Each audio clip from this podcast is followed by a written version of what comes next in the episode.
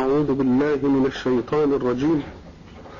والذين يتوفون منكم ويذرون أزواجا يتربصن بأنفسهن أربعة أشهر وعشرة. فإذا بلغن أجلهن فلا جناح عليكم فيما فعلن في أنفسهن بالمعروف. والله بما تعملون خبير. وقلنا إن العدة هي الفترة الزمنية التي شرعها الله لتكون فاصلا بين زوج كان وزوج يكون. فلا يمكن أن يجيء الزوج الثاني بعد الزوج الأول إلا بعد عدة. والعدة قلنا إما أن يكون قد طلق وإما أن يكون قد توفي. فإن كان قد طلق فقلنا إن العدة ثلاثة قروء والقرء هو الأطهار أو الحيض.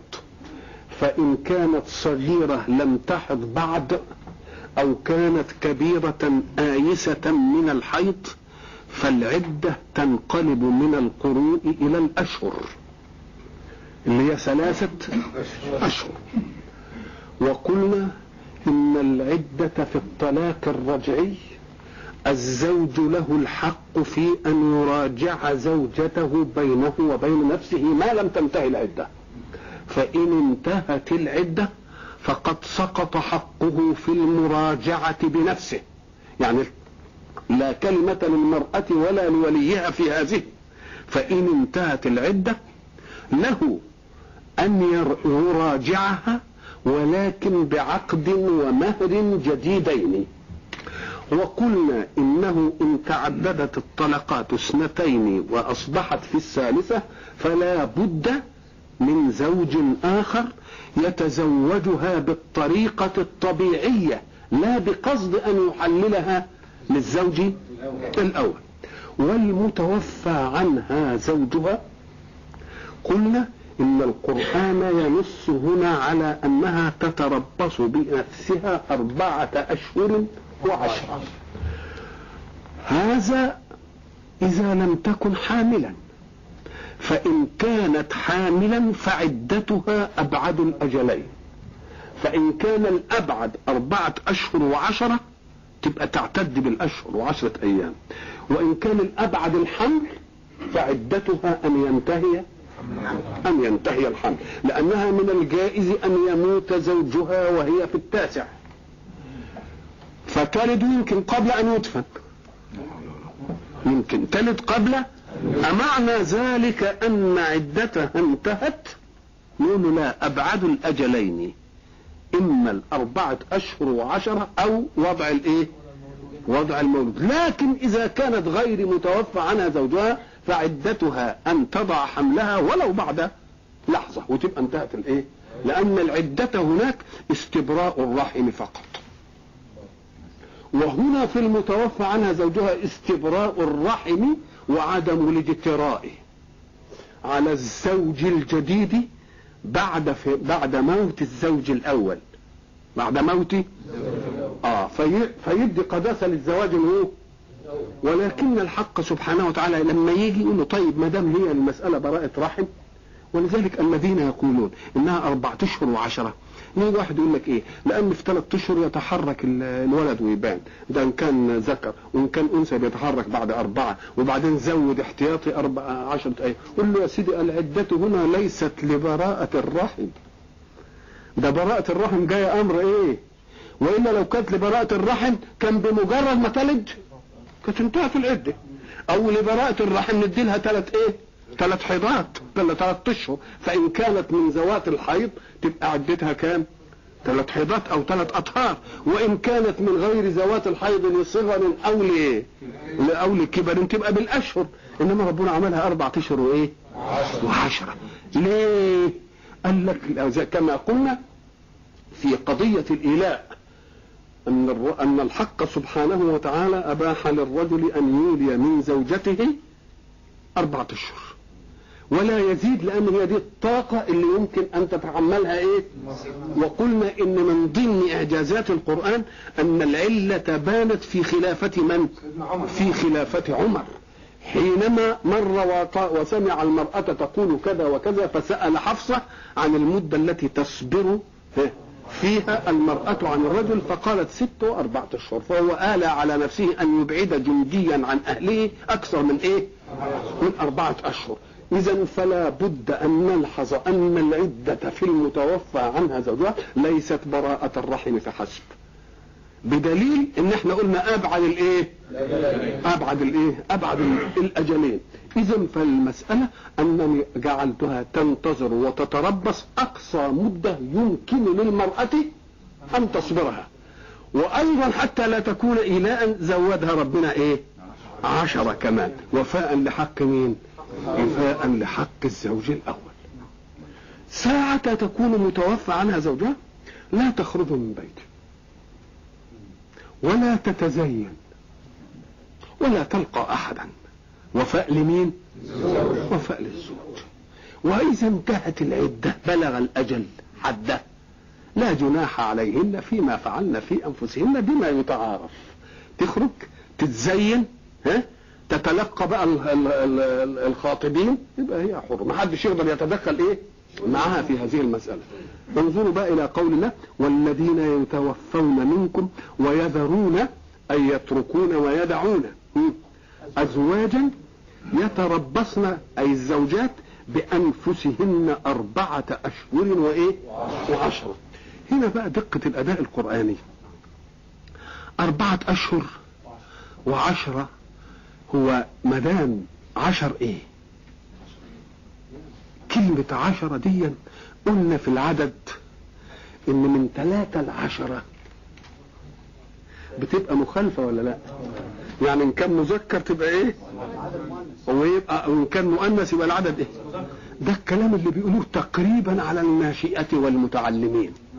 إنما هي في الحقيقة مذكر مع المذكر ومؤنثة مع المؤنث. إزاي؟ قال لك لأن كلمة ثلاثة العشرة العدد موضوع على إيه؟ على التاء أم على غير التاء؟ لو قلنا لك عد كده بدون معدود إحنا بنقول واحد مش كده؟ ونقول إيه؟ اثنان مش كده؟ وبعدين نقول إيه؟ ثلاثة؟ أربعة خمسة ستة عشرة بالتاء ولا من غير التاء؟ إذا فأصل العدد مبني على إيه؟ على التاء فحين نستعمله مع المذكر نستعملها مع الأصل يبقى أكنها تركناها على لفظها الموضوعة عليه بالنسبة لمين؟ للمذكر. يبقى أنا ما أنستهاش مع المذكر. يبقى أنا أبقيتها على مين؟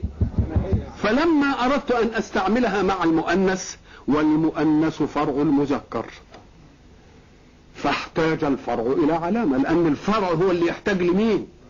أنا لما أقول قائم أدي الأصل. وبعدين إذا أردت أنثى بقول إيه؟ قائمة. يبقى الفرع هو اللي عايز مين؟ عايز علامة. ولكن الأصل استعمل مع الأصل. فكلمة ثلاثة مبنية على إيه؟ على التاء. اللفظ موضوع كده على الإيه؟ فلما جئنا مع الأصل استعملناه مع الأصل على أصله. فلما جئنا نستعمله مع المؤنث. والمؤنث فرع ها؟ أردنا أن نجعل فيها علامة. طب العلامة هناك في الخالي من تاء بنجيب له تاء التأنيث. وهنا فيه تاء. أجيب له تاء تانية نقوم نقول لا نقوم نجعل العلامة بحذف التاء. يبقى جعلنا العلامة بإيه؟ يبقى إذا هو مذكر مع المذكر ومؤنث مع المؤنث. مفهوم ولا لا؟ آه. ماشي؟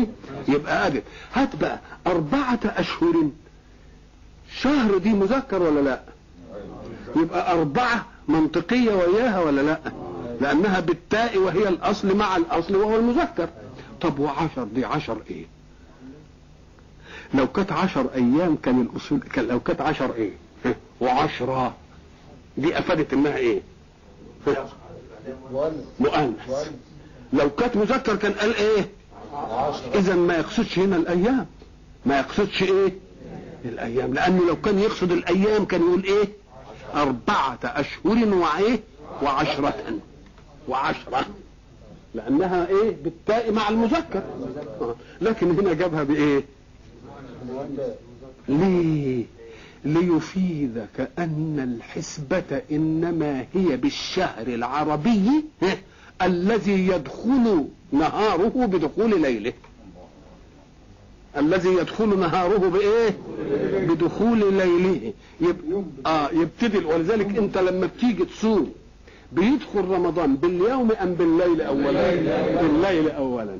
فكأن هذه رمزية على أن هنا عشرة تبقى عشرة إيه؟ ليالي. كأن دي الشهور بتاعة ذوات الليالي. يعني الشهور الإيه؟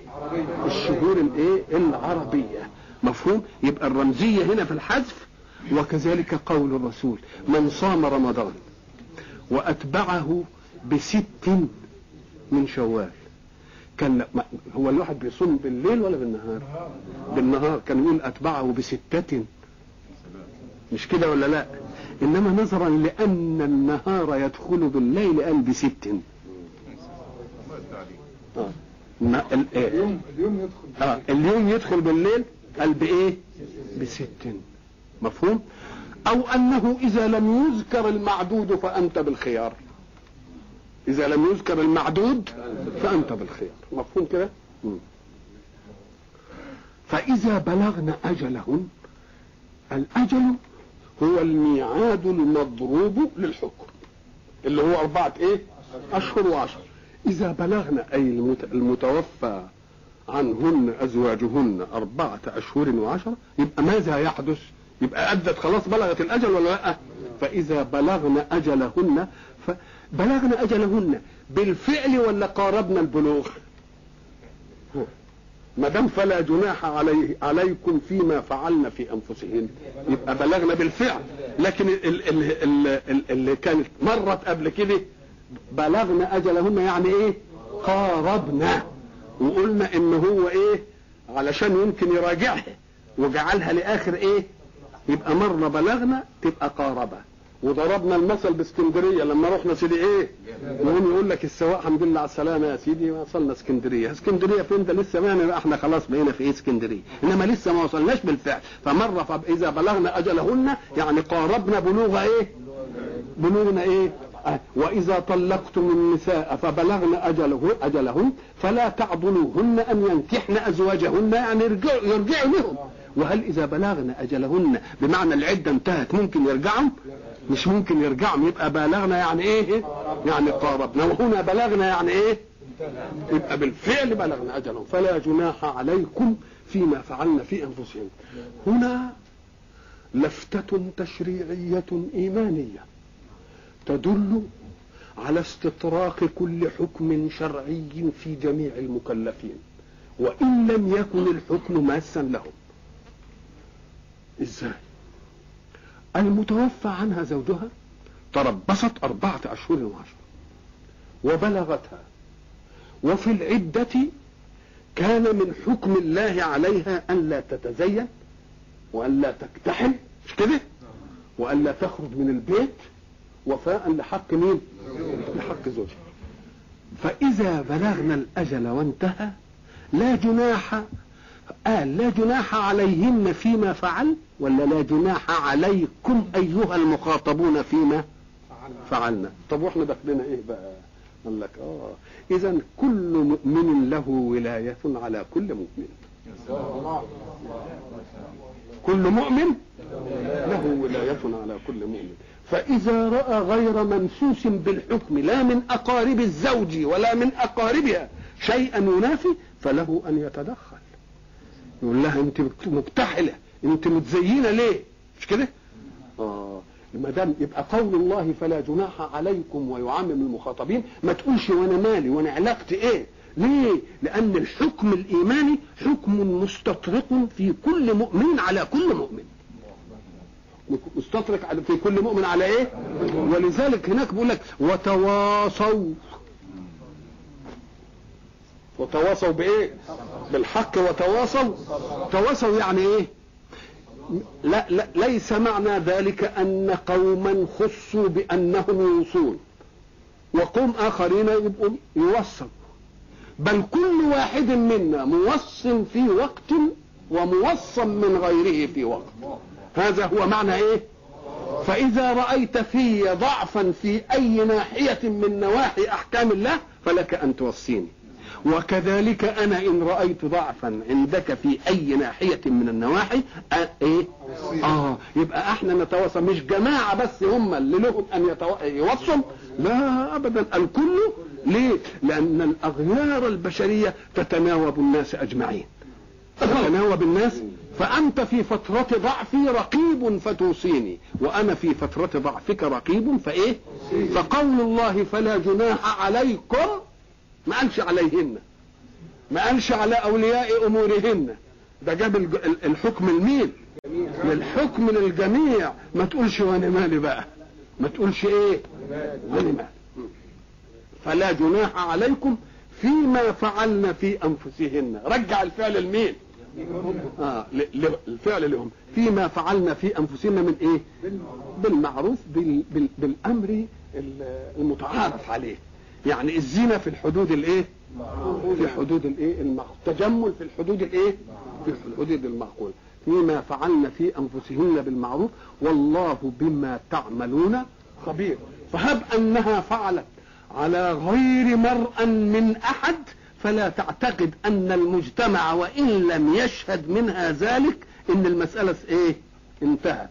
لأن الله عليم بما تفعل وإن لم يطلع عليها أحد من أخواتها الايه المؤمنات. في كل الأسماء اللي تقدمت الحق سبحانه وتعالى حمى حق الزوج اداء في الطلاق حتى تنتهي العدة ووفاء في المتوفى عنها زوجها في الفترة دي. ولذلك جعل المرأة حرما لا يقترب منه أحد. علشان يخدش ذلك الحجاب. في عدة يعني محسوبة للحساب. اوعى حد يفتري عليه. فيريد الحق سبحانه وتعالى وخاصة إذا كانت مطلقة. حين تكون المرأة مطلقة يكون عندها رغبة في أن تسأل لنفسها. ولكرامتها فربما تعجلت التزوج. ربما تعجلت التزوج. وربما كانت مسائل الافتراق أو الخلاف ناشئة عن اندساس شيء لرغبة راغب فيها. مش كده ولا لا؟ فبمجرد ما تكون بقى في العدة وتتطلق كده وتبقى في العدة يوم الايه يحومون إيه حولها أو هي تستشرف. أن يحوموا حولها دي من ناحية مين؟ أو هي تستشرف من ناحيته. فبيقول إيه الحتة دي بقى المنطقة الحرام الدقيقة. يريد الحق سبحانه وتعالى أن يحمي هذه العدة حماية موضوعية مش حماية شكلية.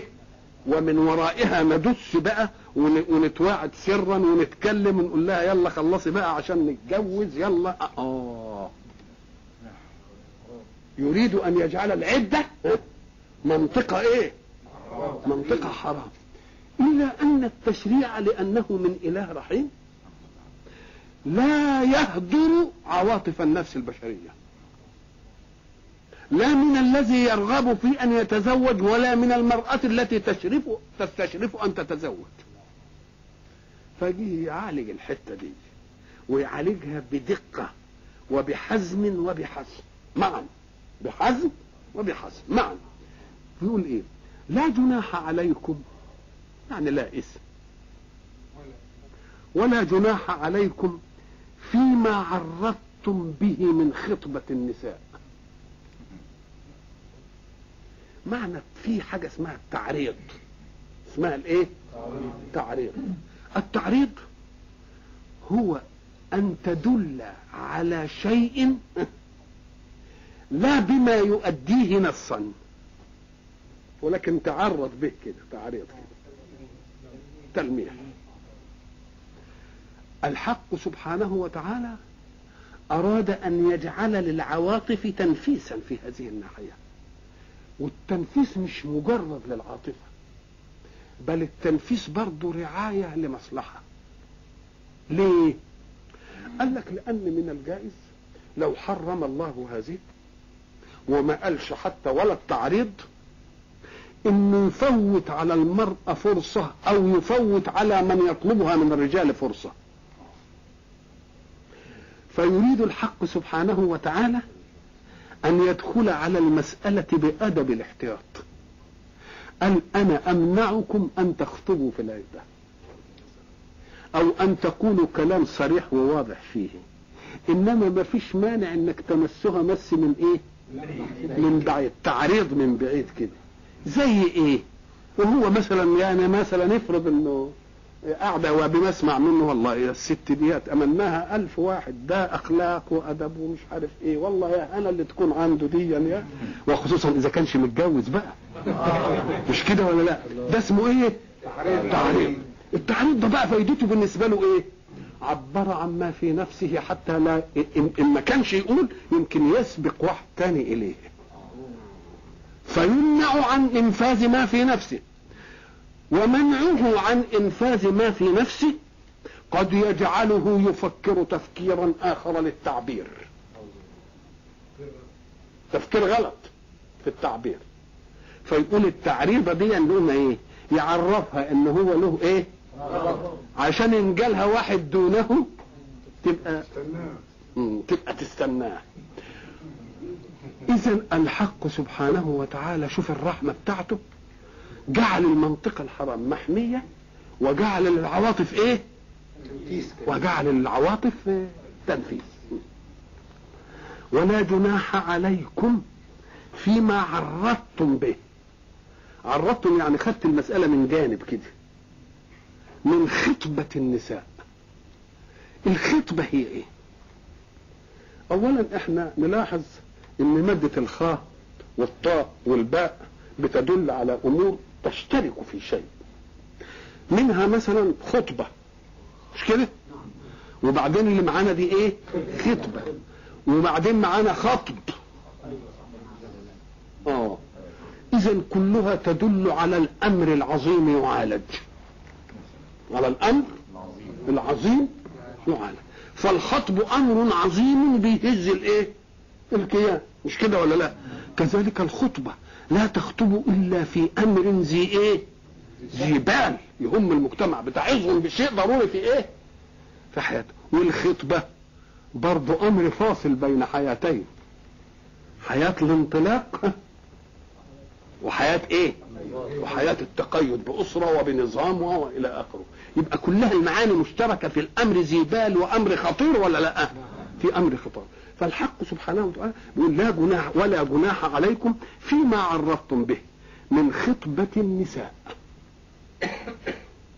أو اكننتم في أنفسكم. يعني وضعت في نفسك كده إنما كانوا شوف كمان أو اكننتم في أنفسكم. يعني مسألة عملتها إيه؟ سر في إيه؟ في بالك. إنما دي دي من ناحيتك أنت. إنما إيه؟ ما الذي يدريها أنها في بالك؟ بحيث إذا خطبها من هو دونك يبقى اذا اكننتم في أنفسكم دي لها معنى وإيه؟ وعرضتم لها إيه؟ معنى ده. أو اكننتم في إيه؟ في أنفسكم. علم الله علم الله أنكم ستذكرونهن. الذي خلقكم علم إن دي ما دامت في بالك وإذا كنت وارع بقى وانتهزت فرصة إنها اتطلقت أو مات عنها زوجها تبقى دي عندك إيه؟ آه تبقى مسألة. هو ربنا عارف الحكاية دي وعارف إنك أنت مش هت فلو أنه ضيق عليك التضييق لعوق عواطفك ولو أنه فلتها لهدر الوفاء للمتقدم. لهدر الوفاء للمتقدم. علم الله أنكم ستذكرونهن. فأباح لكم التعريض حتى لا تواعدوهن سرا. إلا أن تقولوا قولا معروفا إن هو بيقول على التعريض يعني. كل إيه؟ قول معروف يعني عرب بذوق عرض بأدب. عرض بإيه؟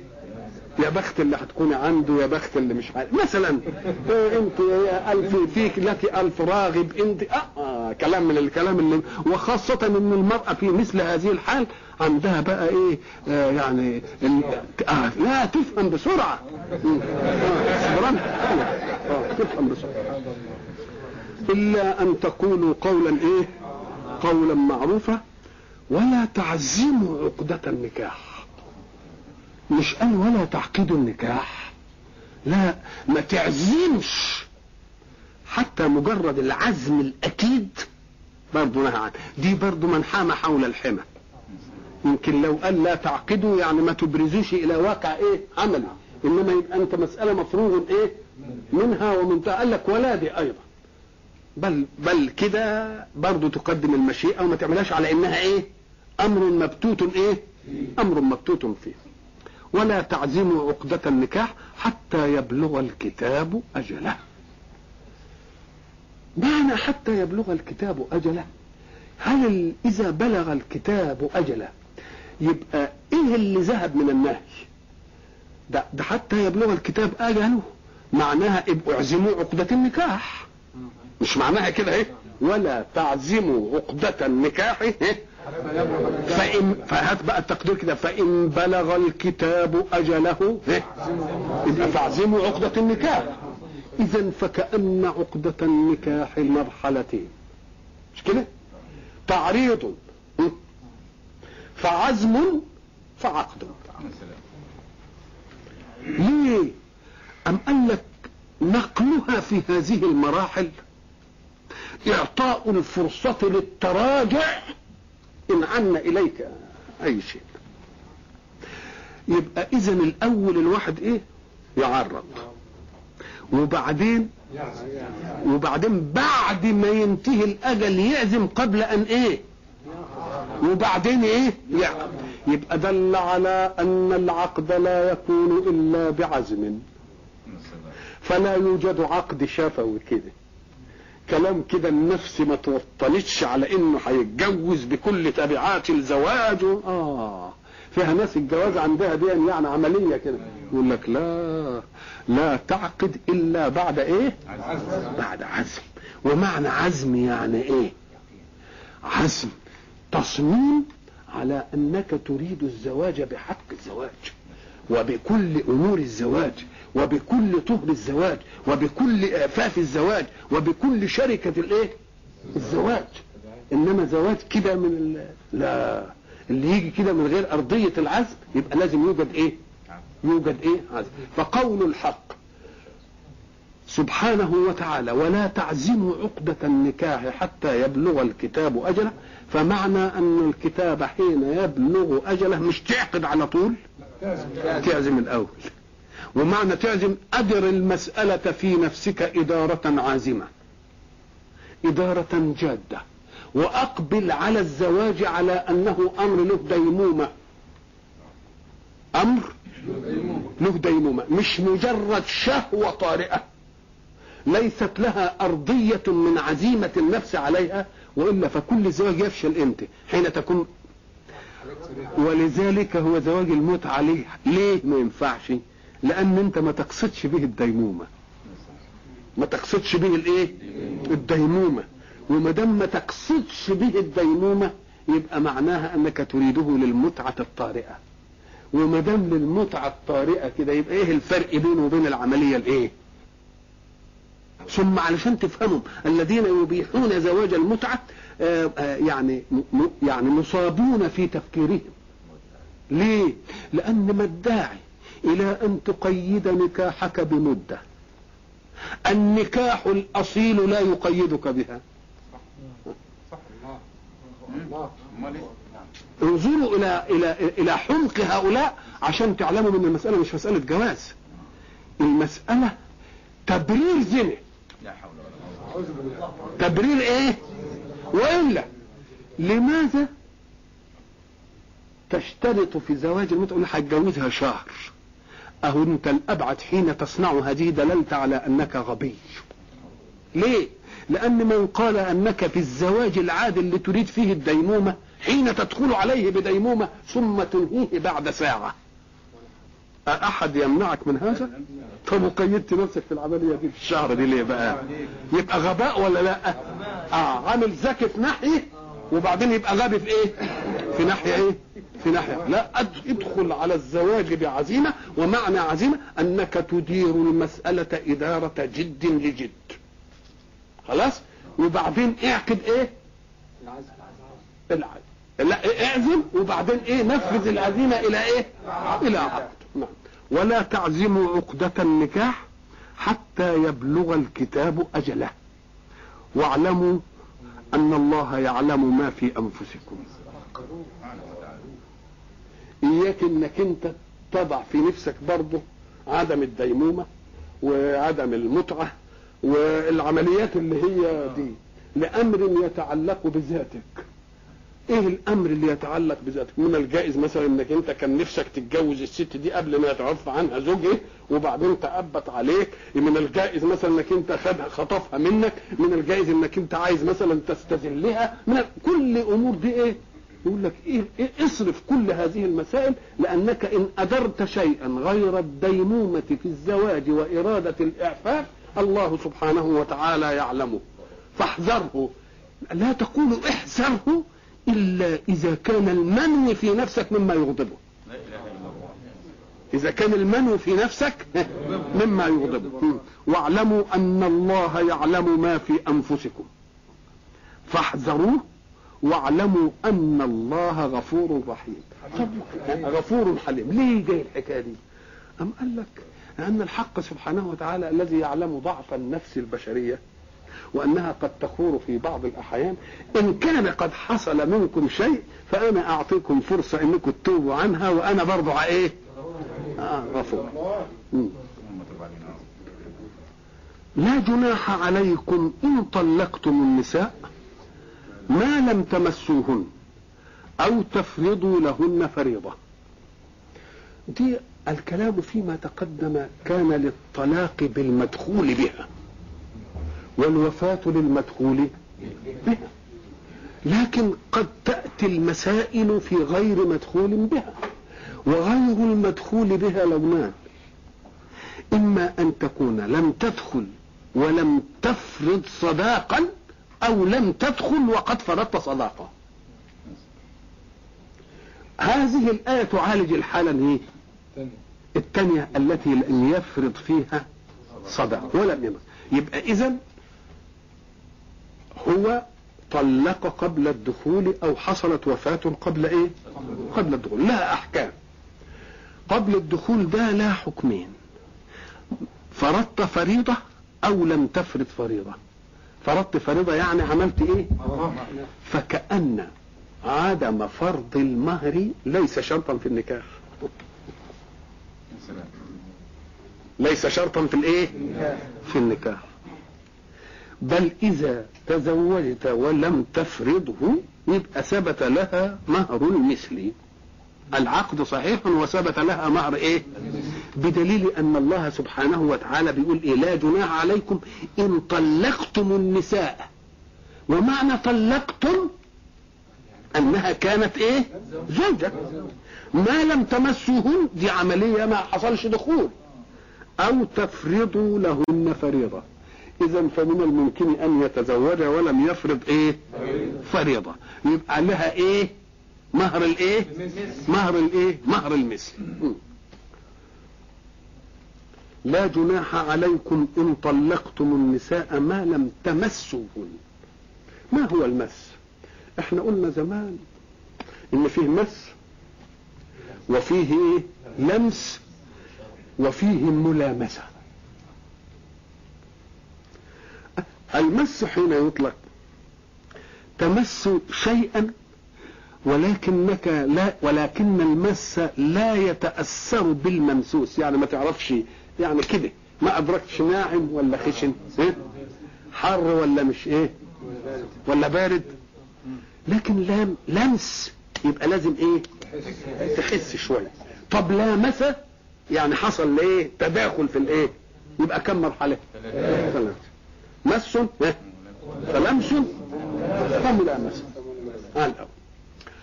هنا كلمة المس دلت على الدخول وال... والوطء الدخول والوطء وهي أخف أنواع الإيه؟ أخف إيه؟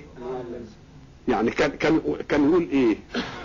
لامستم مثلا باشرتم. مفهوم؟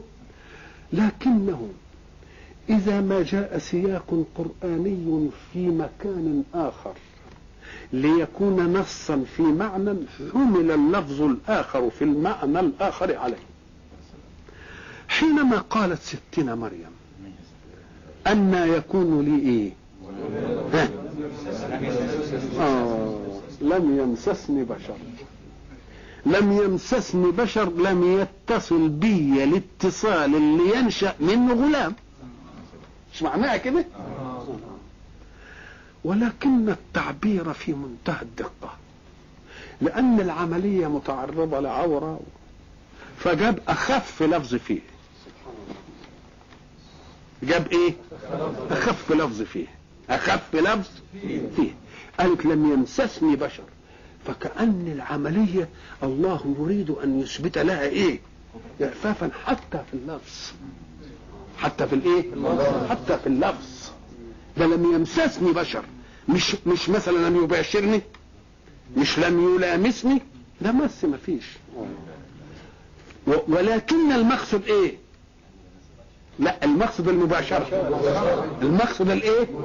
المباشرة. لأن الآية بصدد إثبات عفة.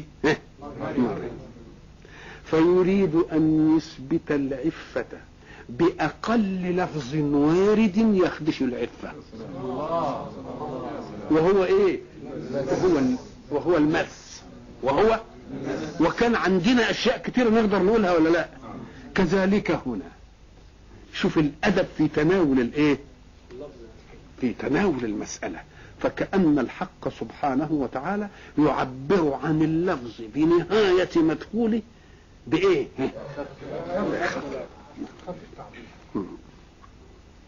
لا جناح عليكم إن طلقتم النساء ما لم تمسوهن. كلمة أو تفرضوا لهن فريضة يدل على إن أو دي لما تيجي. بين شيئين يعني يا دي يا دي وهل تفرضوا لهن فريضة؟ مقابل لتمسهن ده المقابل ما لم تمسوهن ها؟ تمسهن. يبقى المقابل إيه؟ تمسهن. طب والمقابل لتفرضوا لهن فريضة؟ آه, آه يبقى هذا المقابل. يبقى كأنه قال لا جناح عليكم إن طلقتم النساء ما لم تمس ما لم تمسوهن ها؟ فرضتم لهن فريضة أو لم تفرضوا. فرضتم لهن فريضة؟ شوف بقى التعبير القرآن عمال ينبه الذهن على إنه يستقبل الأسلوب. مش كده؟ بعقل. يعني يقول لك الله ده أو دي تيجي بين شيئين. فقبلين وهنا أو تفرضوا لهن فريضة ليست مقابل تمسهن مش كده؟ لأن مقابل تمسهن ما تمسهن مقابل تفرضوا لهن لم تفرضوا لهن فريضة. فكيف يأتي بأو هنا ده كان السياق هنا يأتي لمين؟ للواو. أي يبقى المعنى إيه؟ لا جناح عليكم إن طلقتم النساء ما لم تمسوهن. وتفرضوا لهن فريضة. ما لم تمسوهن ولم تفرضوا لهن إيه؟ تبقى المقام لمين هنا؟ للواو. مش لأو؟ لا لأن أو جت إنما علشان تفيد إيه؟ كأن الأو هنا دلت على معطوف عليه. من جنس ما يقابل إيه؟ المعطوف. فكأنه قال لا جناح عليكم. إن طلقتم النساء ما لم تمسوهن فرضتم لهن فريضة أو لم فإن لم تفرضوا لهم فريضة أدي هنديها وإن فرضتم هنجيب لها حكم تاني. مفهوم فاهم الكلام؟ لا جناح عليكم إن طلقتم النساء. ما لم تمسوهن. وخدوا بالكم من دقة الأداء القرآني أيضا في إن طلقتم النساء. كلمة إن دي بتاعت الشك. لا يريد أن يجعل الطلاق مجترأ عليه ومحققا فيأتي بإذا بل جعلها برضه في مقام إيه؟ حتى تخدم هذه الآية قول الرسول صلى الله عليه وسلم إن أبغض الحلال إلى الله الطلاق. ما يجيبوش على أنه أمر كده يعني. برضه أمر فيه إيه؟ آه. أو تفرضوا لهن فريضة. طيب وماذا يكون الموقف؟ ومتعوهن على الموسع قدره وعلى المقتر إيه قدره. يبقى إذا طلقت المرأة قبل الدخول ولم تفرض لها فريضة فيبقى تمتعها تدي لها متعة. المتعة دي قيمتها قد إيه؟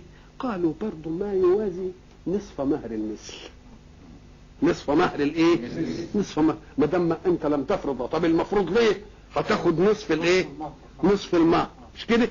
اللي مدخول بقى هتكون واخدة الإيه؟ مهر كله. مش كده ولا لا؟ يبقى اللي هتنزل من التي طلقت قبل الدخول ها؟ ولم يفرض لها ولم يفرض لها مهر. يبقى لازم تمتع ولا ما تمتعش؟ لازم تمتع.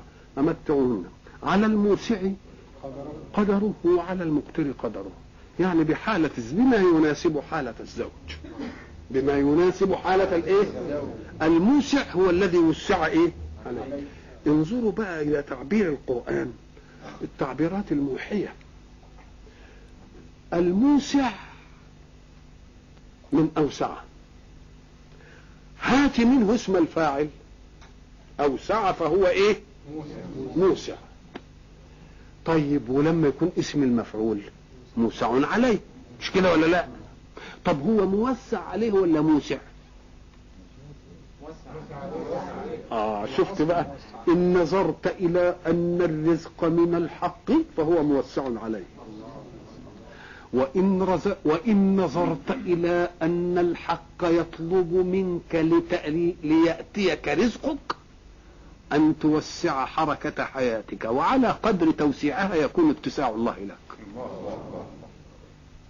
يبقى إذا ما تقعدش كده وقول ده آه. يبقى موسع أوسع على إيه؟ أوسع على نفسه. يبقى إذا أنت ملكك الله الأسباب. حين يملكك الله الأسباب فخذ من الأسباب ما يوسع لك. وهل رأيتم واحدا دخل مع الأسباب ثم فشله الله؟ لكن قد يجد وقد يجتهد وبعد ذلك لا تأتي الأمور كما يجتهد إنما أتكون رتيبة. يعني كل ما يعمل كده ما تجيلوش نتيجة. ولا هي تيجي بس مرة لإثبات طلاقة الحق في أن الأسباب لا تحكمه. في أن الأسباب لا تحكم يبقى موسع يعني إيه؟ الذي وسع على نفسه إيه؟ بإيه؟ بعمل إيه يعني؟ بتوسيع حركة أسبابه يبقى الحق سبحانه وتعالى ترك للإنسان هذا الإيه؟ المجال. لكن لا يعتقد أن هذا المجال هو اللي يعطيه رزق لأنه قد يأتي به ويضيع منه. مش كده ولا لا؟ يبقى جاب صحيح إنما ما هوش رزقه. إنما مش إيه؟ مش رزقه يضيع منه. ويجي له رزق من حتة من حيث لا إيه؟ من حيث لا يحتسب.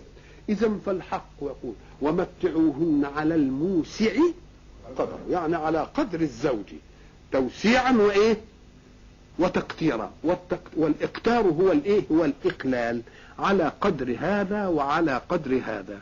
وإلى لقاء آخر إن شاء الله.